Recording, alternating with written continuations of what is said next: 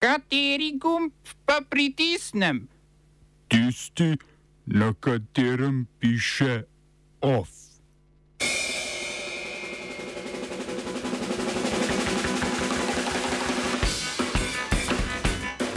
Šrilanški protivladni protestniki zapustili zasedene državne institucije. Predsednik kljub obljubi še ni odstopil.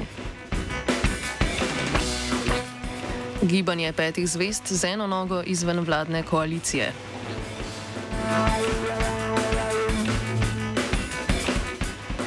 Državni zbor o interventnem zakonu za pomoč zdravstvu. Levica zakona ne podpira.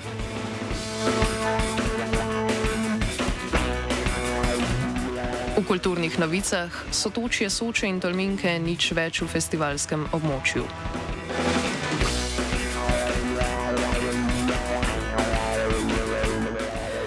Protivladni demonstranti na Šrilanki so danes sporočili, da se bodo umaknili iz zasedanih državnih ustanov in pri tem opozorili, da bodo vseeno nadaljevali s prizadevanji za odstavitev predsednika države Gotabaja Rajapakse in predsednika vlade Ranila Vikrame Singhe. Singa. Čeprav je predsednik napovedal odstop, obljube še ni izpolnil. V včerajšnjem televizijskem nagovoru je Vikreme Singe demonstrante obtožil, da mu želijo preprečiti, da bi opravljal svoje dožnosti kot vršilec dožnosti predsednika in dejal, da policija in vojska ne smeta dovoliti, da bi fašisti prevzeli oblast. Policijsko uro je Vikreme Singe po zagotovilu protestnikov v umiku iz predsedniške in drugih palač danes odpravil. Gotabaj Rajapaksi, ki je zbežal z otoka, se je v tujini pridružil tudi njegov brat in nekdani finančni minister Bazil Rajapaksa. Od družinske vrhuške v državi tako ustaja zgolj nekdani predsednik in premijer Mahinda Rajapaksa, ki je leta 2005 prvi prevzel vodanje države. Družina je po mnenju pr protestnikov koruptivna in kriva za bankrot države, zaradi katerega ta ne more uvažati najosnovnejših življenjskih dobrin.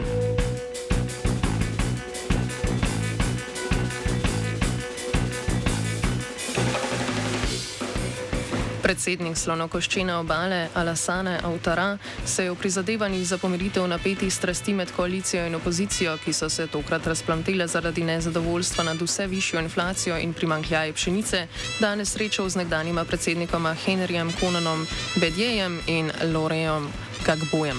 Veliki trije, ki so državi skupaj vladali zadnjih 30 let, so se srečali po več kot desetletju. Zadnje srečanje je potekalo pred predsedniškimi volitvami leta 2010, po katerih je med privrženci Gagboja in Otaraja nezadovoljnimi z izidi volitev usplamtelo nasilje, ki je terjalo 3000 življenj.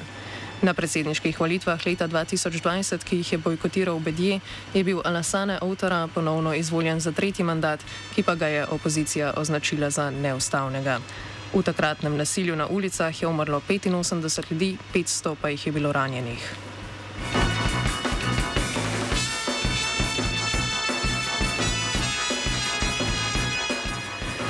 Uprava ameriškega tehnološkega giganta Twitter je včeraj vložila tožbo proti Elonu Musku, lastniku ameriške korporacije Tesla, zaradi kršitev postopkov prevzema podjetja, ki ga je Musk zaustavil prejšnji teden.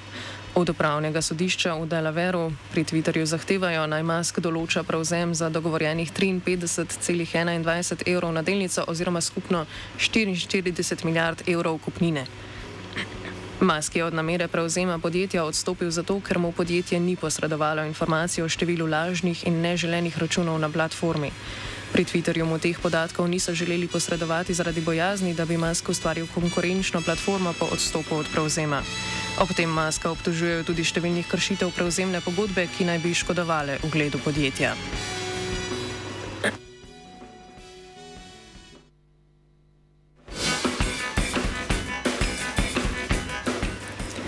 Nekdani italijanski premijer in trenutni vodja gibanja petih zvest Giuseppe Conte je včeraj zvečer sporočil, da se senatorji njegove stranke ne bodo odeležili današnjega zakonodajnega glasovanja. Italijanski vladni koaliciji zato grozi konec, saj je premijer Mario Draghi na svežen zakonskih ukrepov za pomoč podjetjem in posameznikom pri soočenju z energetsko krizo vezal zaupnico. Prejšnji teden, ko so v svežnju glasovali v poslovenski zbornici, so poslanci gibanja petih zvest glasovali za zaupnico Dragiju, na to pa so se vzdržali, vzdržali pri glasovanju o konkretnih ukrepih. A v senatu so pravila drugačna, saj glasovanje o zaupnici poteka hkrati z glasovanjem o konkretnem predlogu zakona, kar pomeni, da se senatorji gibanja glasovanju ne morejo izogniti na enak način kot njihovi kolegi v poslanski zbornici. Gibanje petih zvest je v hudi notranji krizi po junijskem izstopu nekdanjega predsednika Luigija Di Maja in kar 60 poslancev. V primeru izstopa gibanja je odhod iz vlade včeraj napovedal tudi vodja skrajno desne lige Matteo Salvini. V njegovi stranki in v stranki Bratje Italije so se že zauzeli za predčasne volitve.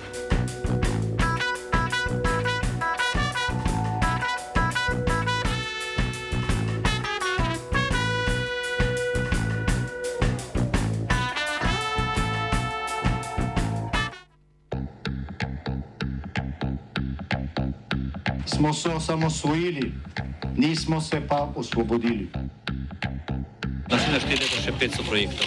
Izpiljene modele, kako so se strani nekdanje LDS rotirali. Ko to dvoje zmešamo v pravilno zmes, dobimo zgodbo o uspehu. Takemu političnemu razvoju se reče udar. Jaz to vem, da je nezakonito, ampak kaj nam pa ostane? Brutalni obračun s politično korupcijo.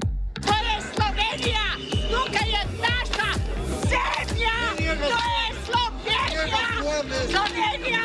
Slovenija!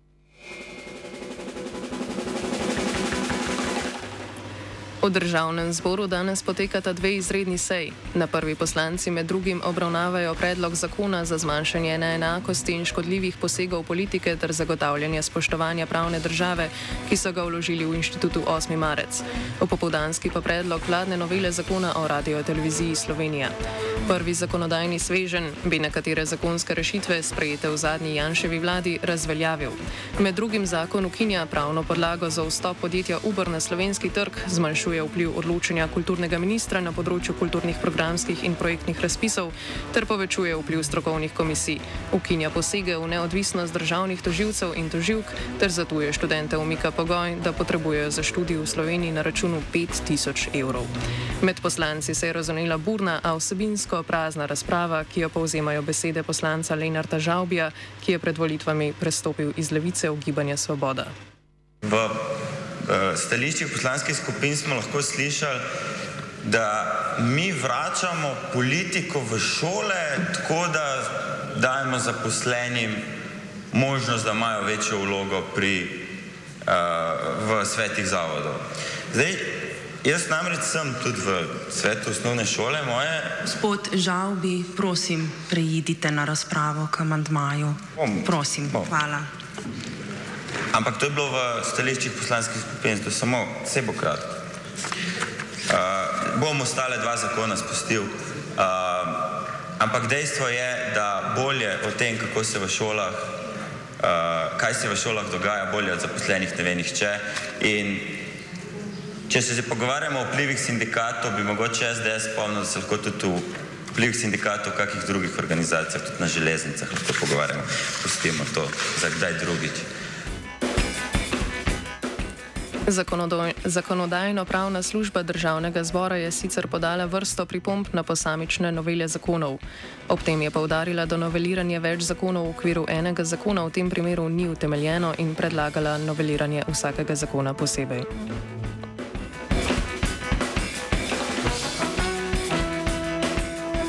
Malo čez povdne se je začela razprava o interventnem zakonu za pomoč zdravstvu, ki ga je predstavila poslanka Gibanja Svoboda Vera Granful.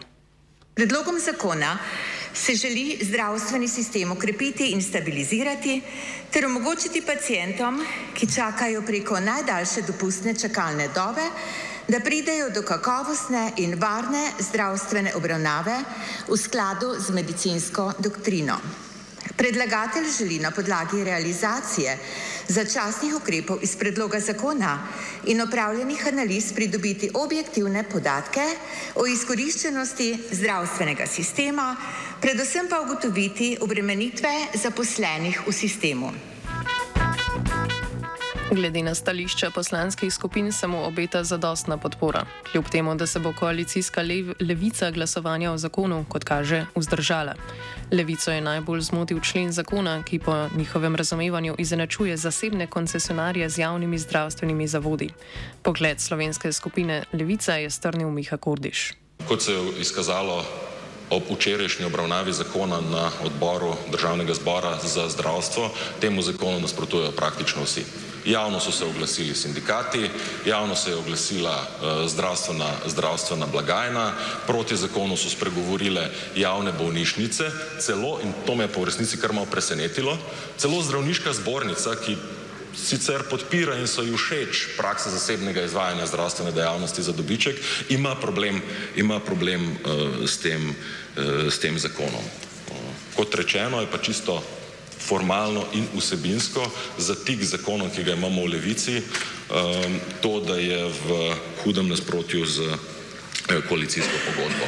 Ampak kot se izrisuje na ravni konkretne zdravstvene osebine tega zakona, vsaj recimo na področju primarnega zdravstva, lahko rečem, da je nevarnost odtekanja javnega kadra in javnih financ od um, javnih zdravstvenih zavodov k zasebnikom tako zelo velika, da si ne bi upal v zakon zapisati niti Janez Janša.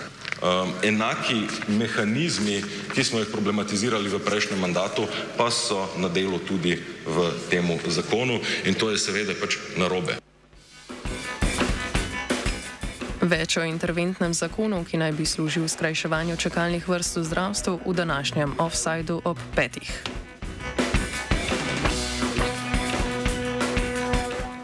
Na drugi današnji izredni seji bodo poslanci obravnavali predlog novele zakona o RTV Slovenija, s katerim želi vlada depolitizirati zavod. Po zakonu bi upravljanje in nadzor na mesto programskemu in nadzornemu svetu prepustili enotnemu svetu RTVS. Med njegovimi 17 člani bi jih šest izbrali zaposleni, 11 bi jih na podlagi javnih pozivov imenovali italijanska in mačarska narodna skupnost, predsednik države SZU, Nacionalni svet za kulturo, Olimpijski komitej Slovenije, informacijski pooblaščenec, Svet za trajnostni razvoj in varstvo okolja, Varuh človekovih pravic in Nacionalni svet invalidskih organizacij. Kot posvetovalno telo sveta predlog uvaja nov petčlanski finančni odbor.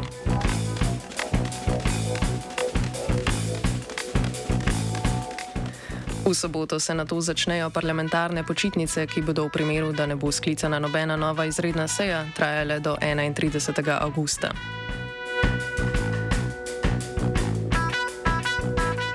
V farmacevski družbi Lek so ugotovili, da so zadnjih 19 let delavcem napačno obračunavali plače. Oškodovanih naj bi bilo več kot 3000 delavcev, ki naj bi skupno ostali brez več kot 100 milijonov evrov.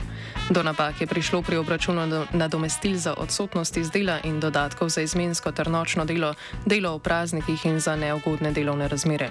Vodstvo Leka je s prstom pokazalo na računovodsko družbo, ki je obračun plač prevzela leta 2003, ko je Lek prešel pod švicarsko multinacionalko Novartis.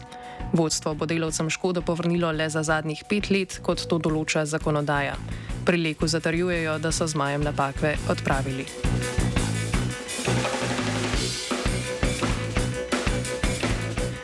Ustavno sodišče je objavilo odločbo, s katero je ugotovilo neustavnost določbe drugega odstavka člena 129a zakona o kazenskem postopku.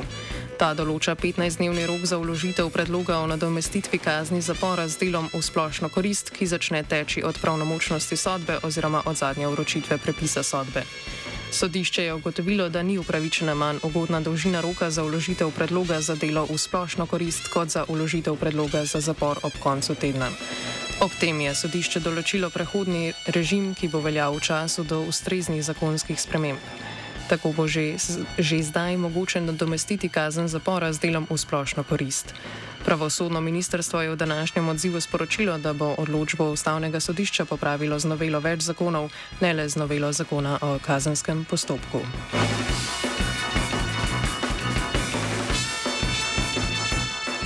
OF je pripravil Dugi, pomagal je Blaž.